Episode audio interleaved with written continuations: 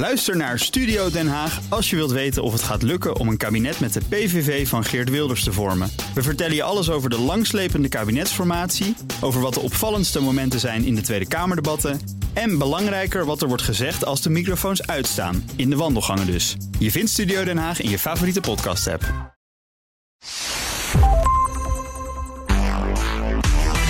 Welkom bij de Ben Tichelaar podcast bij BNR, de podcast over persoonlijk leiderschap. Elke aflevering hebben we een bijzondere gast met inzichten die je helpen om je verder te ontwikkelen in je werk en de rest van je leven. Mijn naam is Ben Tichelaar en mijn gast in deze aflevering is Terence Gaimo. Terence Gaimo, Head of Diversity and Inclusion bij PwC Nederland. En daarnaast ook voorzitter van Agora Network. Een stichting die culturele diversiteit in bedrijven promoot.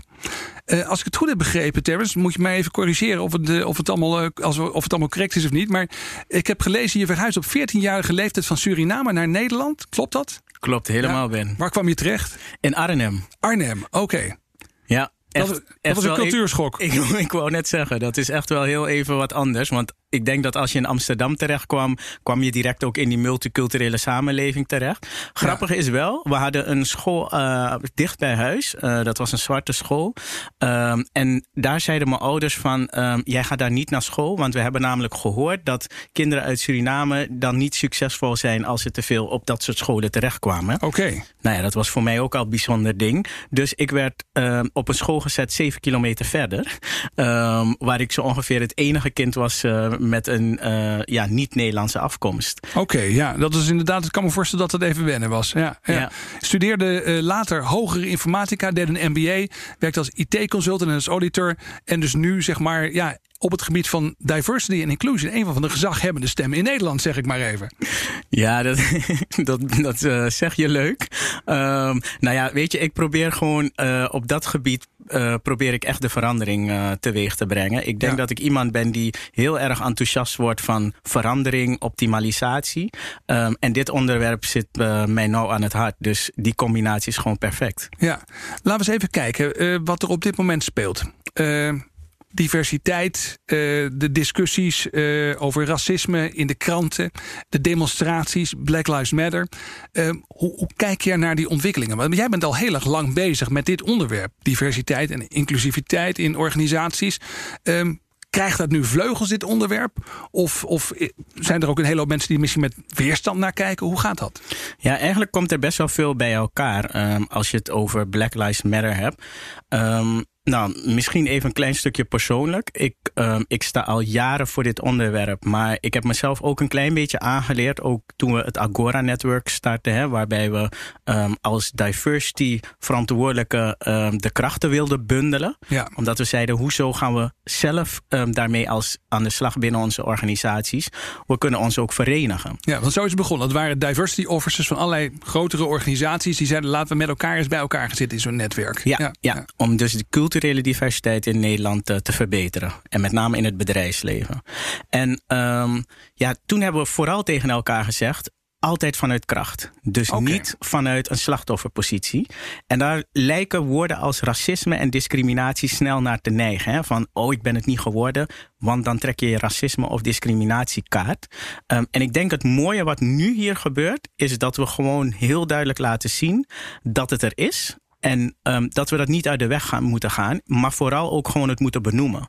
En dat wat in Amerika is gebeurd, ik denk dat dat um, onze ogen zo dusdanig heeft geopend, omdat het eindelijk eens een keer zo expliciet op beeld is vastgelegd. Iedereen kon ja. zien wat daar gebeurde. Ja. En um, als je het mij vraagt, is dat echt een beetje het keerpunt geweest van deze grote, um, um, deze maatschappelijke betrokkenheid bij dit onderwerp. Hè?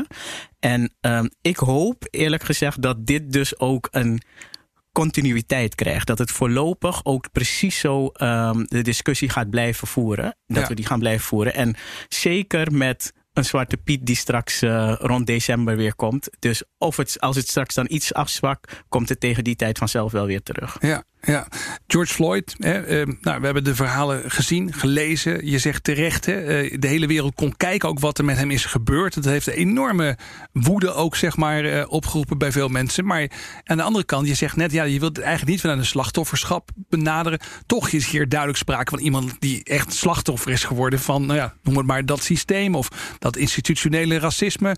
Eh, nou ja, wat voor woorden je er ook voor kiest.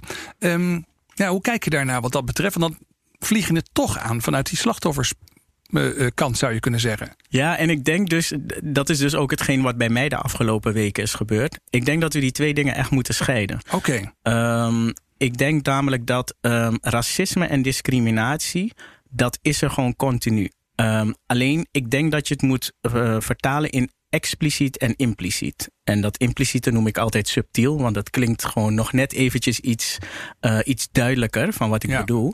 Um, het expliciete, dat is um, wat we nu eigenlijk hebben gezien.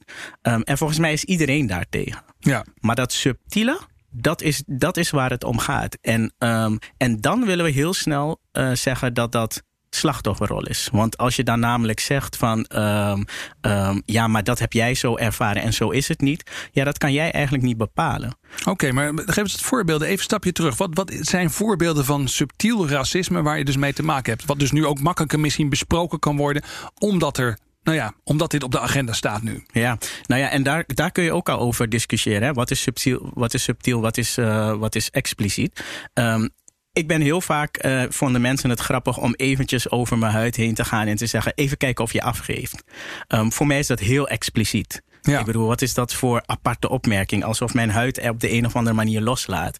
En welke relatie leg je daar dan ook? Um, maar als je het nog subtieler wil hebben, dan gaat het over die donkere man die dan wordt, uh, staande wordt gehouden door de politie. Om uh, toch even een check te doen van hoe kan het dat hij in zo'n dure auto rijdt. Ja, ik las het van het weekend in NRC. Een interview met uh, Edgar Davids. Die vertelde dat hij zijn vader toen hij als voetballer een beetje goed begon te doen. Een Mercedes cadeau had gedaan.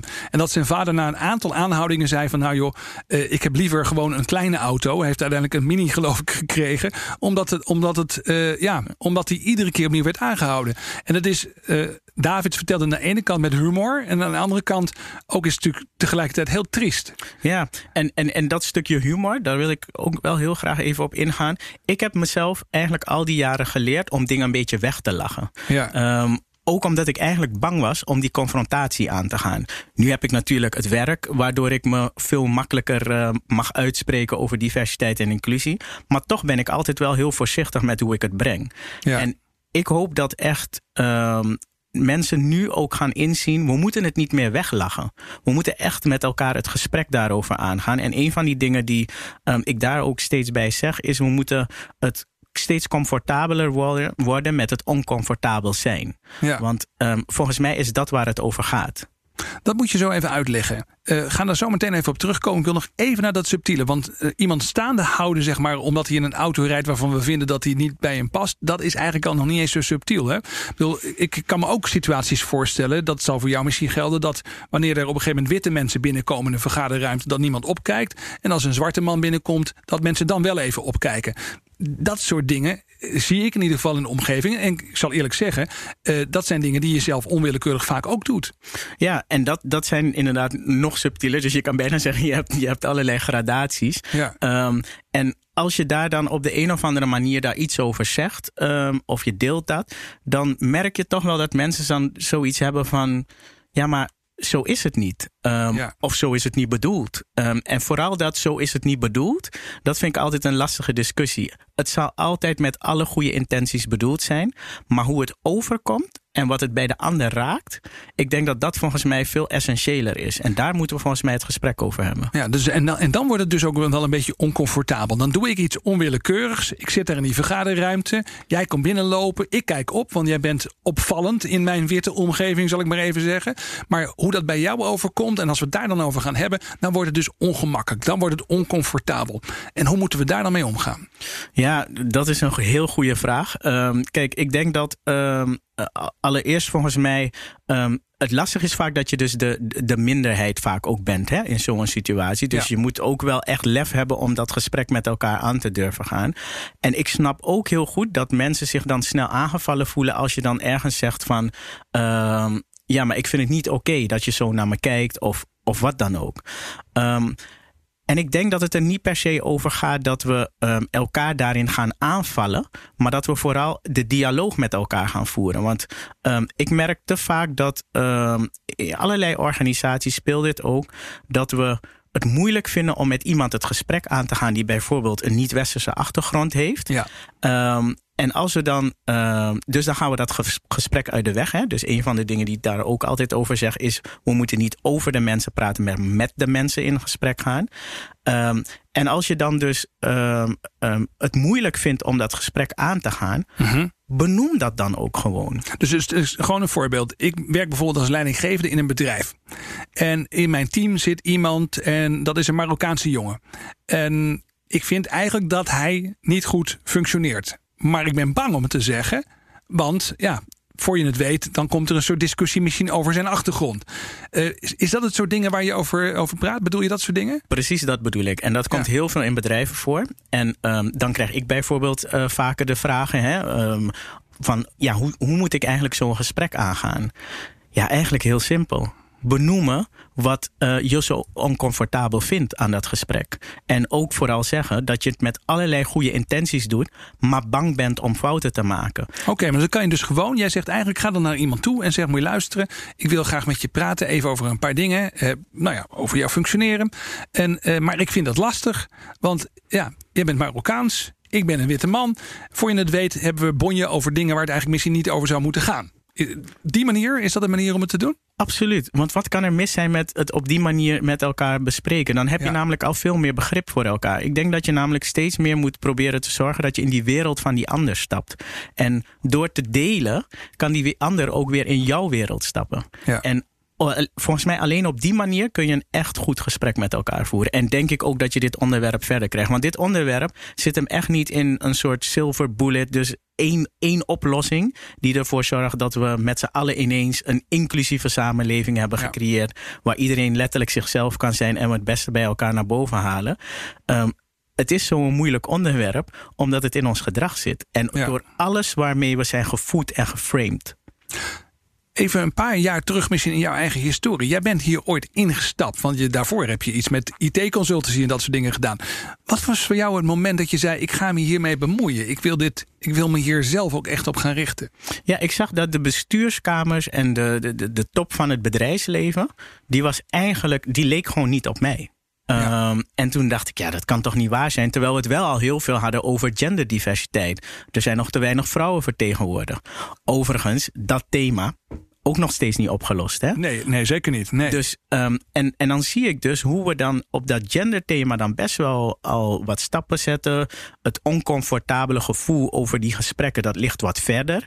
Um, maar als het gaat over culturele diversiteit, dan vinden we dat veel ingewikkelder. Dus toen zag ik al van, hé, hey, hier moet echt wat gebeuren. Die, ja. die, die, die, top, Hoe lang is dat geleden? Wanneer speelde dat bij jou? Tien jaar geleden. Oké, ja. ja.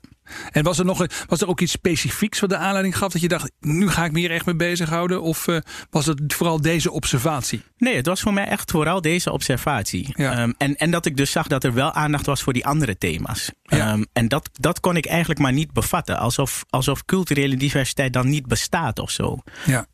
Um, en ja, toen had ik dus eigenlijk zoiets van: ik moet, me hier, ja, ik moet hier iets mee gaan doen. Dus toen ben ik een netwerk voor culturele diversiteit begonnen. Nou, we hebben toen het Agora-netwerk opgericht. Um, en zo is mijn liefde echt ervoor uh, gaan ontstaan. En op een gegeven moment, toen zei ik ook letterlijk tegen mezelf: hoe mooi zou het zijn als dit mijn fulltime baan kan zijn. Ja. Um, eigenlijk een beetje van je hobby uh, je werk van maken. Van je hobby je werk maken, ja. Maar dan op een rare manier wel. Juist, echt even een heel rare manier. Want ik, het, eigenlijk kan je bijna zeggen, je, je probeert gewoon de verandering echt teweeg te brengen. Maar het, is, het ligt zo nauw aan mijn hart dat het niet eens bijna als werken voelt. Um, Behalve op de momenten dat je af en toe even gefrustreerd raakt. Hè? Want dat, dat gebeurt ook bij dit thema. Nou ja, frustratie. Ik bedoel, tien jaar geleden ben je dus in die wereld van diversiteit en inclusie gestapt. En nou, professioneel zeg maar mee aan de slag gegaan. Um, we praten nu uh, zo uh, rond juni 2020 met elkaar. er speelt van alles. Maar vorig jaar kwam er bijvoorbeeld een CER-rapport uit. Dat ging over diversiteit in de top. En daar werd ook al geconcludeerd dat er eigenlijk gewoon nog heel veel moest worden gedaan. Dat het tijd was voor actie. En toen ging het meen ik me te herinneren in het nieuws wel veel inderdaad over ongelijkheid tussen mannen en vrouwen. Maar weinig zeg maar over mensen met een niet-westerse achtergrond. Of uh, zwarte mensen bijvoorbeeld die gewoon minder vertegenwoordigd zijn in de top van het bedrijfsleven. Um, het is wel heel erg taai. Het is heel moeilijk. En het is toch eigenlijk, ja, als je er even, bij, bij even over nadenkt, toch wel heel gek en erg dat er hele erge dingen moeten gebeuren voordat het weer echt aandacht krijgt. Ja, klopt, klopt. Um, echt heel jammer dat dat soort erge dingen moeten gebeuren. Maar volgens mij uh, kennen we dat ook bijvoorbeeld van het verkeer. Iedereen zegt deze straat is een gevaarlijke straat. We doen er niks aan totdat er zoveel doden zijn gevallen. En dan pas vinden we dat het inderdaad toch wel een gevaarlijke straat was. Ja. Um, dus ik denk ook dat we echt meer naar elkaar moeten gaan luisteren. Um, en de SER, ik, um, ik was toevallig ook betrokken bij dat traject hè, om uh, dat advies uh, op te stellen voor, ja. het mini, voor de ministeries.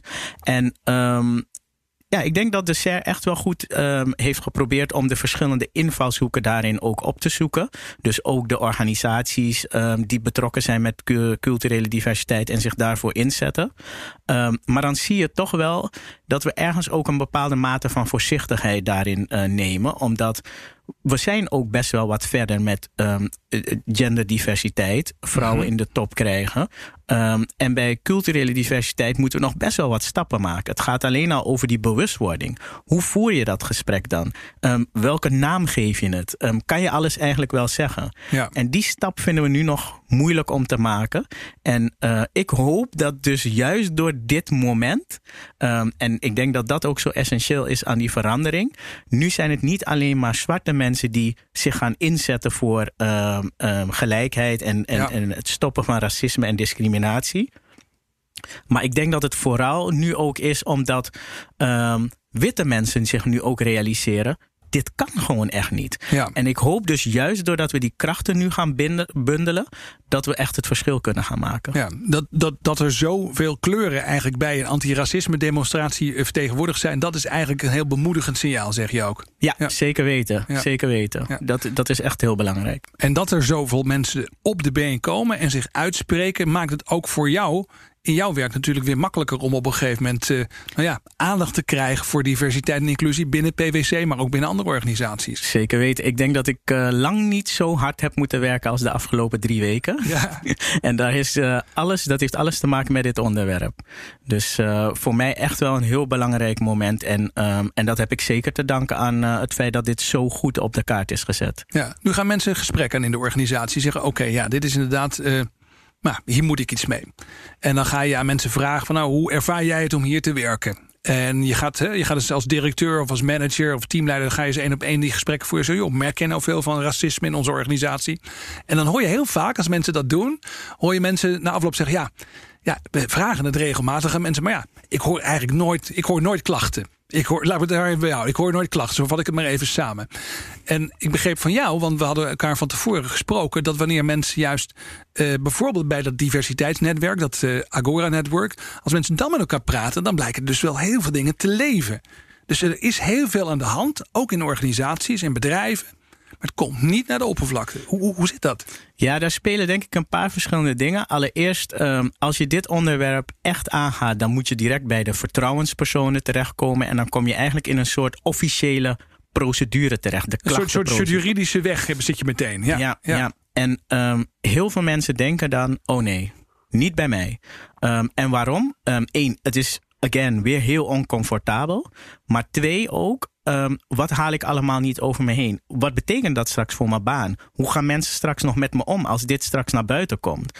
Um, dus mensen kiezen dan eigenlijk liever de weg van, nou, niet dat officiële traject, maar willen zich soms wel uiten. Dus dan zoeken ze kanalen um, waar ze dat verhaal wel kwijt kunnen. en dat is dus heel vaak inderdaad in zo'n netwerk of bij diversity verantwoordelijken in organisaties. En ik denk dat alleen dus dat soort gesprekken um, gaan uiteindelijk nergens toe leiden. Um, ja. ik dus denk, dus die officiële kanalen, die officiële gesprekken, zeg, dat levert eigenlijk dus niks op. Um, nou, het zou goed zijn als mensen het via die officiële kanalen zouden doen. Dus dat wel. Um, maar mensen voelen zich geremd omdat het misschien backfired. Of het slecht is voor je loopbaan. Of je bent de, degene die het slechte nieuws brengt. Allemaal niet goed voor je ja, loopbaan. Of je voelt jezelf er gewoon überhaupt niet comfortabel bij om dat op die manier te doen. Um, maar doordat ze het op andere plekken delen, um, komt het niet goed uit. Dus ik denk dat een belangrijk element hiervan is, is dat we het veel breder gaan vertellen.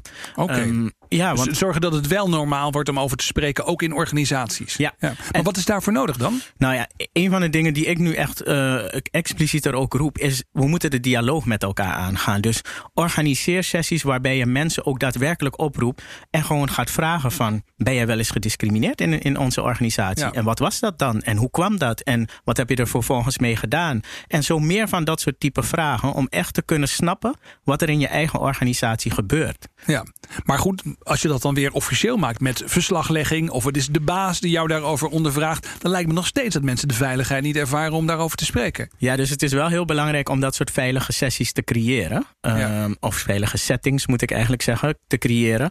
Um, dus ik weet niet of het heel handig is dat je de leidinggevende of de raad van bestuur of zo bij zo'n gesprek betrekt. Nee, um, mijn ervaring is dat mensen dan helemaal niks vertellen. Maakt niet uit waar het over gaat. Nee, precies, precies. Dus die, uh, ik denk dat het veiliger is die er niet. Maar juist mensen, en daarom uh, bij PwC hebben we dit wel eens gedaan, hè, dat we dus um, exit interviews hebben gedaan van mensen die de organisatie al hebben verlaten. hebben we samen met het culturele netwerk zijn we gesprekken met deze mensen aangaan. Het is grappig hoeveel meer verhalen je daar naar boven krijgt. En dat waren niet per se racisme of discriminatieverhalen, maar wel verhalen over hoe zij zich in die organisatie hebben gevoeld. Ja. Um, en momenten dat het helemaal niet zo af en toe niet um, zo inclusief was. Um, en daar kun je dan wel met, uh, met elkaar het gesprek aan en daar ook vooral van leren. Om te kijken wat kun je dan in je beleid dan gaan veranderen om die ervaring van mensen ook te verbeteren. Ja, want dat is natuurlijk de vraag. En laten we er maar even van uitgaan dat, ook al hoor je dus misschien als werkgever of als leidinggevende helemaal niet zoveel klachten, dat er best genoeg speelt. Maar dat mensen dus allerlei redenen vaak hebben, ook misschien allerlei onbewuste redenen, om dat niet met jou te delen. En stel dat je nou denkt van, en dus moet ik iets gaan doen. Wat zijn dan praktische stappen? Waar, waar zou je mee beginnen? Ik kom bij jou op bezoek, vraag je, Terrence, wat moet ik doen? Ja, verschillende dingen. Um, wat ik net al zei, hè, je kunt beginnen dus met die dialoogsessies te gaan organiseren. Hè, zodat je dus van mensen namelijk de verhalen naar boven krijgt. Ja. Um, ik denk dat het heel belangrijk is goed naar elkaar te luisteren. Um, te horen wat de ander zegt en daar ook gewoon open vragen over te stellen. Ja. Um, ik denk ook dat het gaat over dat oncomfortabele waar ik het net over had. Um, ja, dat je je realiseert dat het ongemakkelijk is af en toe, dat het erbij hoort. En dat ook uitspreken. Um, want ik denk dat we te vaak dus dat oncomfortabele wel voelen, maar denken, ah, hier doe ik even niks mee. Ja. Nee, spreek het gewoon uit. Uh, ander ding is ook, betrek de mensen in je organisatie erbij om dat beleid en die, die cultuur samen vorm te geven. Um, en, en dat geldt echt voor allerlei uh, uh, organisaties en onderwerpen eigenlijk. Maar zeker op dit onderwerp. Laat mensen erover meedenken. Laat ze erover meebeslissen. Ja. Um, en ik denk dat dat soort dingen echt heel essentieel zijn om, om die verandering teweeg te brengen. dus eigenlijk zeg je ook als je een diversiteitscomité hebt of een klankbordgroep in je organisatie en zeg maar uh, en dat zijn alleen maar uh, witte mensen, dan, dan klopt het dan niet. Dat kan niet. Nee, zeker niet. Zeker niet. Je moet die diversiteit er ook echt omheen gaan organiseren. Wat je in veel organisaties, ik zei het net al, hè, de, de top van het bedrijfsleven is al iets veranderd, dat het iets cultureel diverser is geworden, maar echt ook minimaal. Ja. En um, daarmee mis je dus een heel belangrijk geluid. En um, als je dan die raad van bestuur of uh, de top van het bedrijfsleven niet in één keer kan veranderen, creëer er een boog omheen waar wel dat andere geluid zit. Dus ja. bij wijze van spreken zou ik zeggen, um, creëer letterlijk die opposite van wat er daar zit. Um, als daar dus uh, zes of zeven witte mannen zitten, creëer er een boog omheen van mensen met een andere culturele achtergrond, waardoor je ze challenged op um, onbewuste vooroordelen, op bepaalde keuzes die ze maken. En, vrouw dus ook. En vrouw dus ook, als je het echt op de zit zoekt. Ja, Juist, ja. precies. En dan ja. stop je daar dus vrouwen dus ook natuurlijk bij. Want op die manier alleen, denk ik, kan je echt zorgen voor um, die nieuwe perspectieven. Ja. Want het zijn echt die blinde vlekken die ons af en toe in de weg zitten. Er wordt vaak vanuit twee perspectieven gekeken. Hè? Aan de ene kant heb je het morele aspect, zou je kunnen zeggen. Het, is gewoon, het gaat gewoon niet aan dat in een maatschappij mensen die een andere kleur hebben anders behandeld worden vanwege die kleur. Dus dat is één aspect.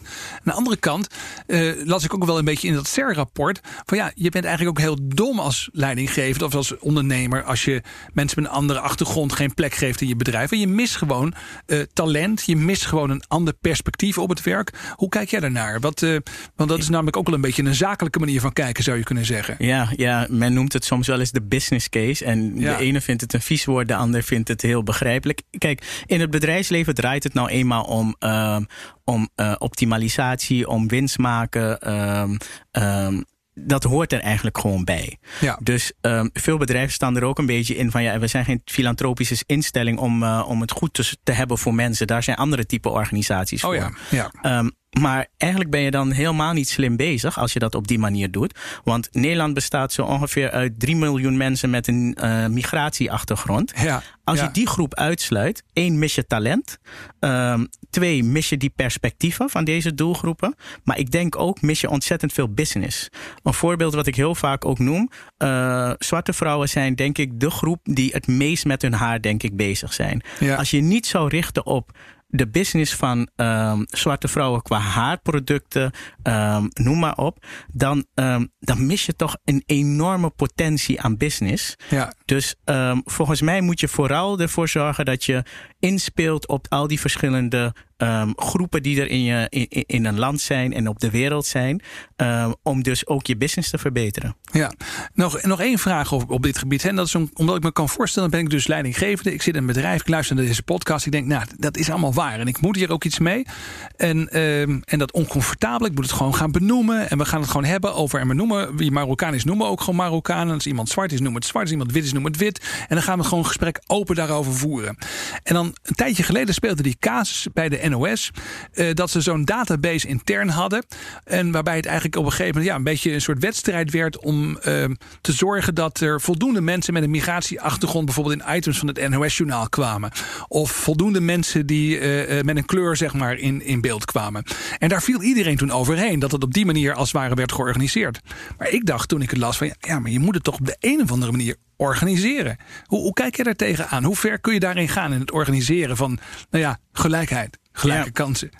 Allereerst denk ik wel dat je het steeds meer moet gaan afdwingen hoor. Want uh, met dat, uh, die intrinsieke motivatie, nou, is er nog weinig beweging geweest. Ja. Uh, dus volgens mij echt prima om dat soort lijsten te maken en ervoor te zorgen dat je dat, uh, dat gaat creëren in je organisatie. Dus wat de NOS heeft gedaan, dat vond jij prima? Ik, um, in ieder geval, het, het, het, lijstje dat je dus gaat proberen om die diversiteit echt uh, op te zoeken en binnen te halen. Ja. Alleen ik zou er geen competitiecomponent aan koppelen. Ja, dat, dat, dat ging net een stap te ver. Dat, een beetje, ja, ja. ja, dat gaat mij wel een stap te ver inderdaad. Maar ik zou er wel in ieder geval voor zorgen dat je mensen echt gaat identificeren waar, van waar zitten ze. Want anders ga je het namelijk niet voor elkaar ja, kunnen Dus je moet wel cijfers hebben of een checklist of he, uh, iets organiseren in het bedrijf. Ja, En, en ik denk, um, um, want dat is ook wat ik steeds onze eigen recruitment afdeling bijvoorbeeld ook adviseer en gelukkig maken we daar ook enorme stappen in, is dat we uh, duidelijk gaan kijken naar wel, waar zijn die verschillende netwerken? In welke netwerken zitten vrouwen bijvoorbeeld, of zitten met een, mensen met een andere culturele achtergrond? Ja. Um, en die netwerken moet je gaan aanboren.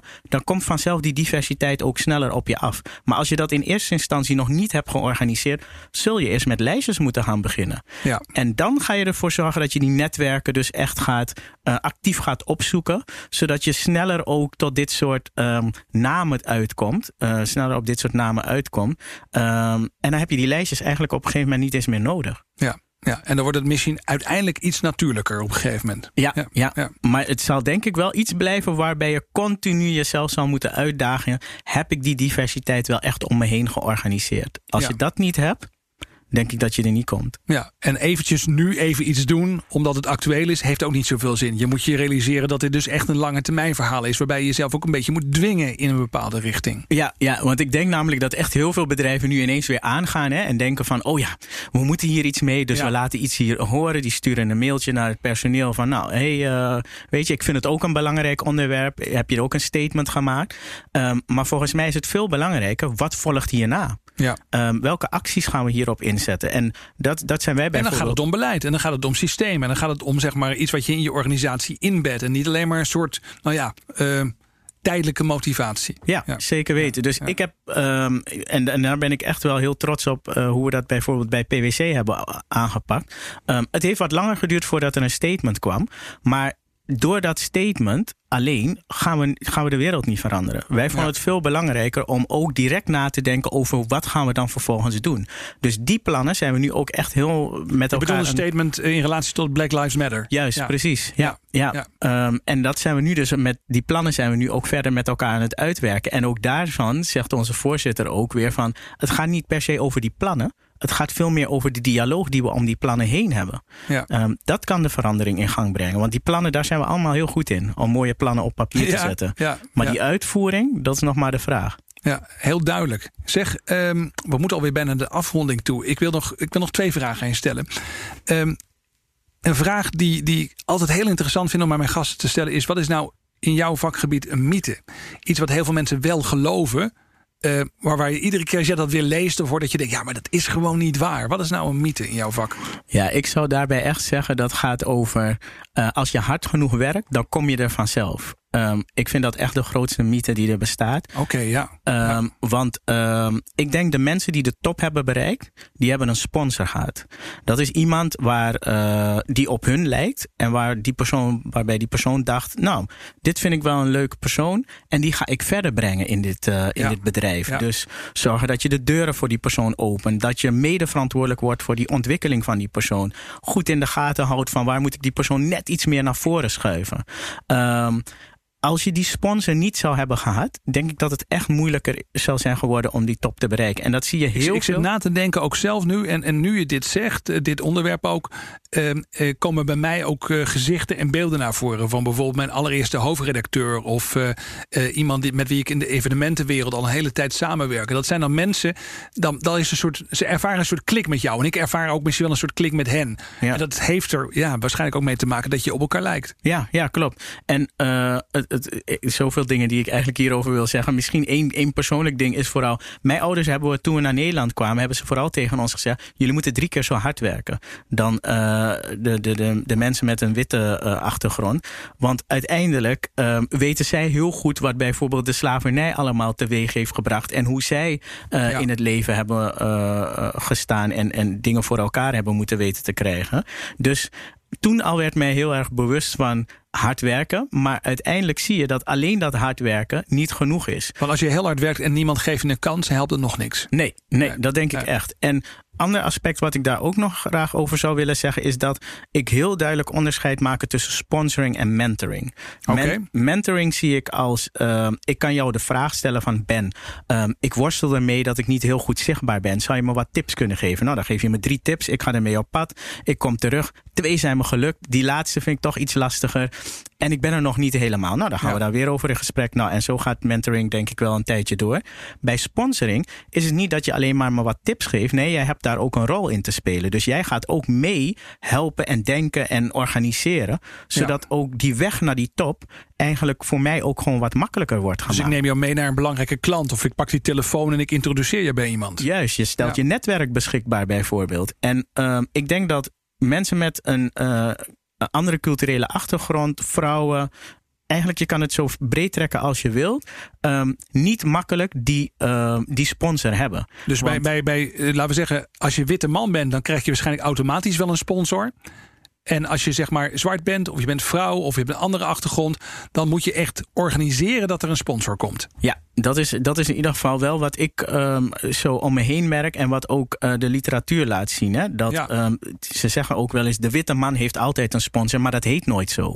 Want we hebben het nooit zo officieel benoemd. Ja.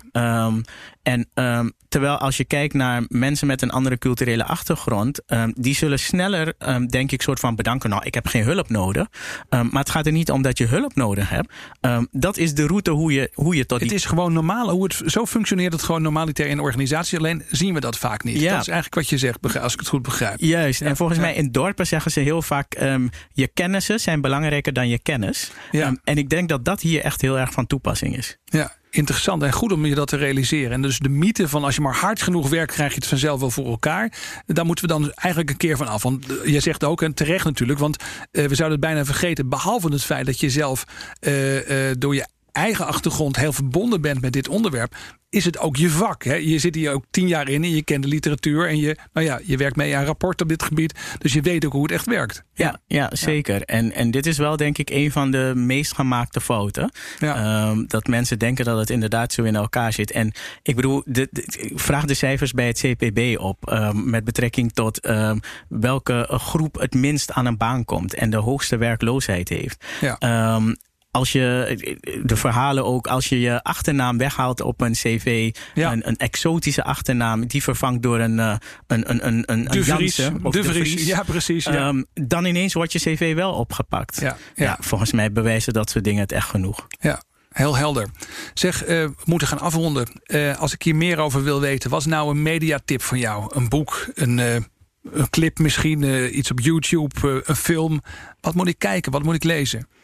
Goeie vraag. En het grappige is dat ik het uh, niet zo lang geleden met uh, een groep diversity managers van uh, allerlei bedrijven ook een keer over had. Van ja, wat moeten we mensen nou eigenlijk adviseren? En waarom is dat zo moeilijk om met mensen altijd commentaar hebben? Uh, ja, maar dat is weer vanuit zo'n perspectief gemaakt. Ja, maar dat oh, is ja. dan. Dus, um, en ik heb nu echt voor mezelf. Ik stap gewoon over dat commentaar heen. Um, je hebt nu een, een uh, documentaire op Netflix. 13 heet het. Ja. En um, ik zou die heel erg uh, adviseren. Dat hoe, schrijf, hoe schrijf ik dat? Echt uh, het getal 13 okay, uh, ja. op zijn Engels. dus met TH er ook nog achter. en dat gaat dus over de slavernij in Amerika en hoe dat zich daar heeft ontwikkeld. Um, en ik denk dat um, dat stukje geschiedenis, dat, dat is ook iets wat ik steeds weer herhaal. Die geschiedenis over die slavernij, daar hebben zwarte mensen alles over geleerd. Sterker nog, het is zo ongeveer de rode draad in de opvoeding. Ja. Um, ik denk dat het essentieel is dat de rest van de wereld dat ook leert. Dus dat witte mensen ook weten wat die geschiedenis namelijk teweeg heeft gebracht. Omdat je daarmee namelijk al um, op een andere manier naar de wereld kijkt. Um, en door die geschiedenis mee te krijgen, denk ik dat je echt gaat snappen waarom dit speelt. En hoe we het hopelijk ook kunnen oplossen. Oké, okay, 13 Moeten we ja. gaan kijken met elkaar. Um, Erg bedankt, Terrence, voor het delen van je inzichten met ons. Fijn dat je hier wilde zijn. Dankjewel voor de uitnodiging, Ben. Dit was de Ben Tichelaar podcast bij BNR met als gast deze keer Terrence Gaimo. Vond je dit interessant? Dan kun je een paar dingen doen. Check de andere afleveringen via bnr.nl of je favoriete podcast app. Of deel op deze podcast met andere mensen, collega's, vrienden. Iedereen die af en toe wat inspiratie kan gebruiken in zijn werk. Dank voor het luisteren en tot snel. Ook Liesbeth Staats vind je in de BNR-app. Ja, heel handig. Luister live naar Kees en mij tijdens de Daily Move. Dan blijf je ook gelijk op de hoogte van breaking news en het laatste zakelijke nieuws. En daar vind je ook alle BNR-podcasts, waaronder de Perestrooikast. Download nu de gratis BNR-app en blijf scherp.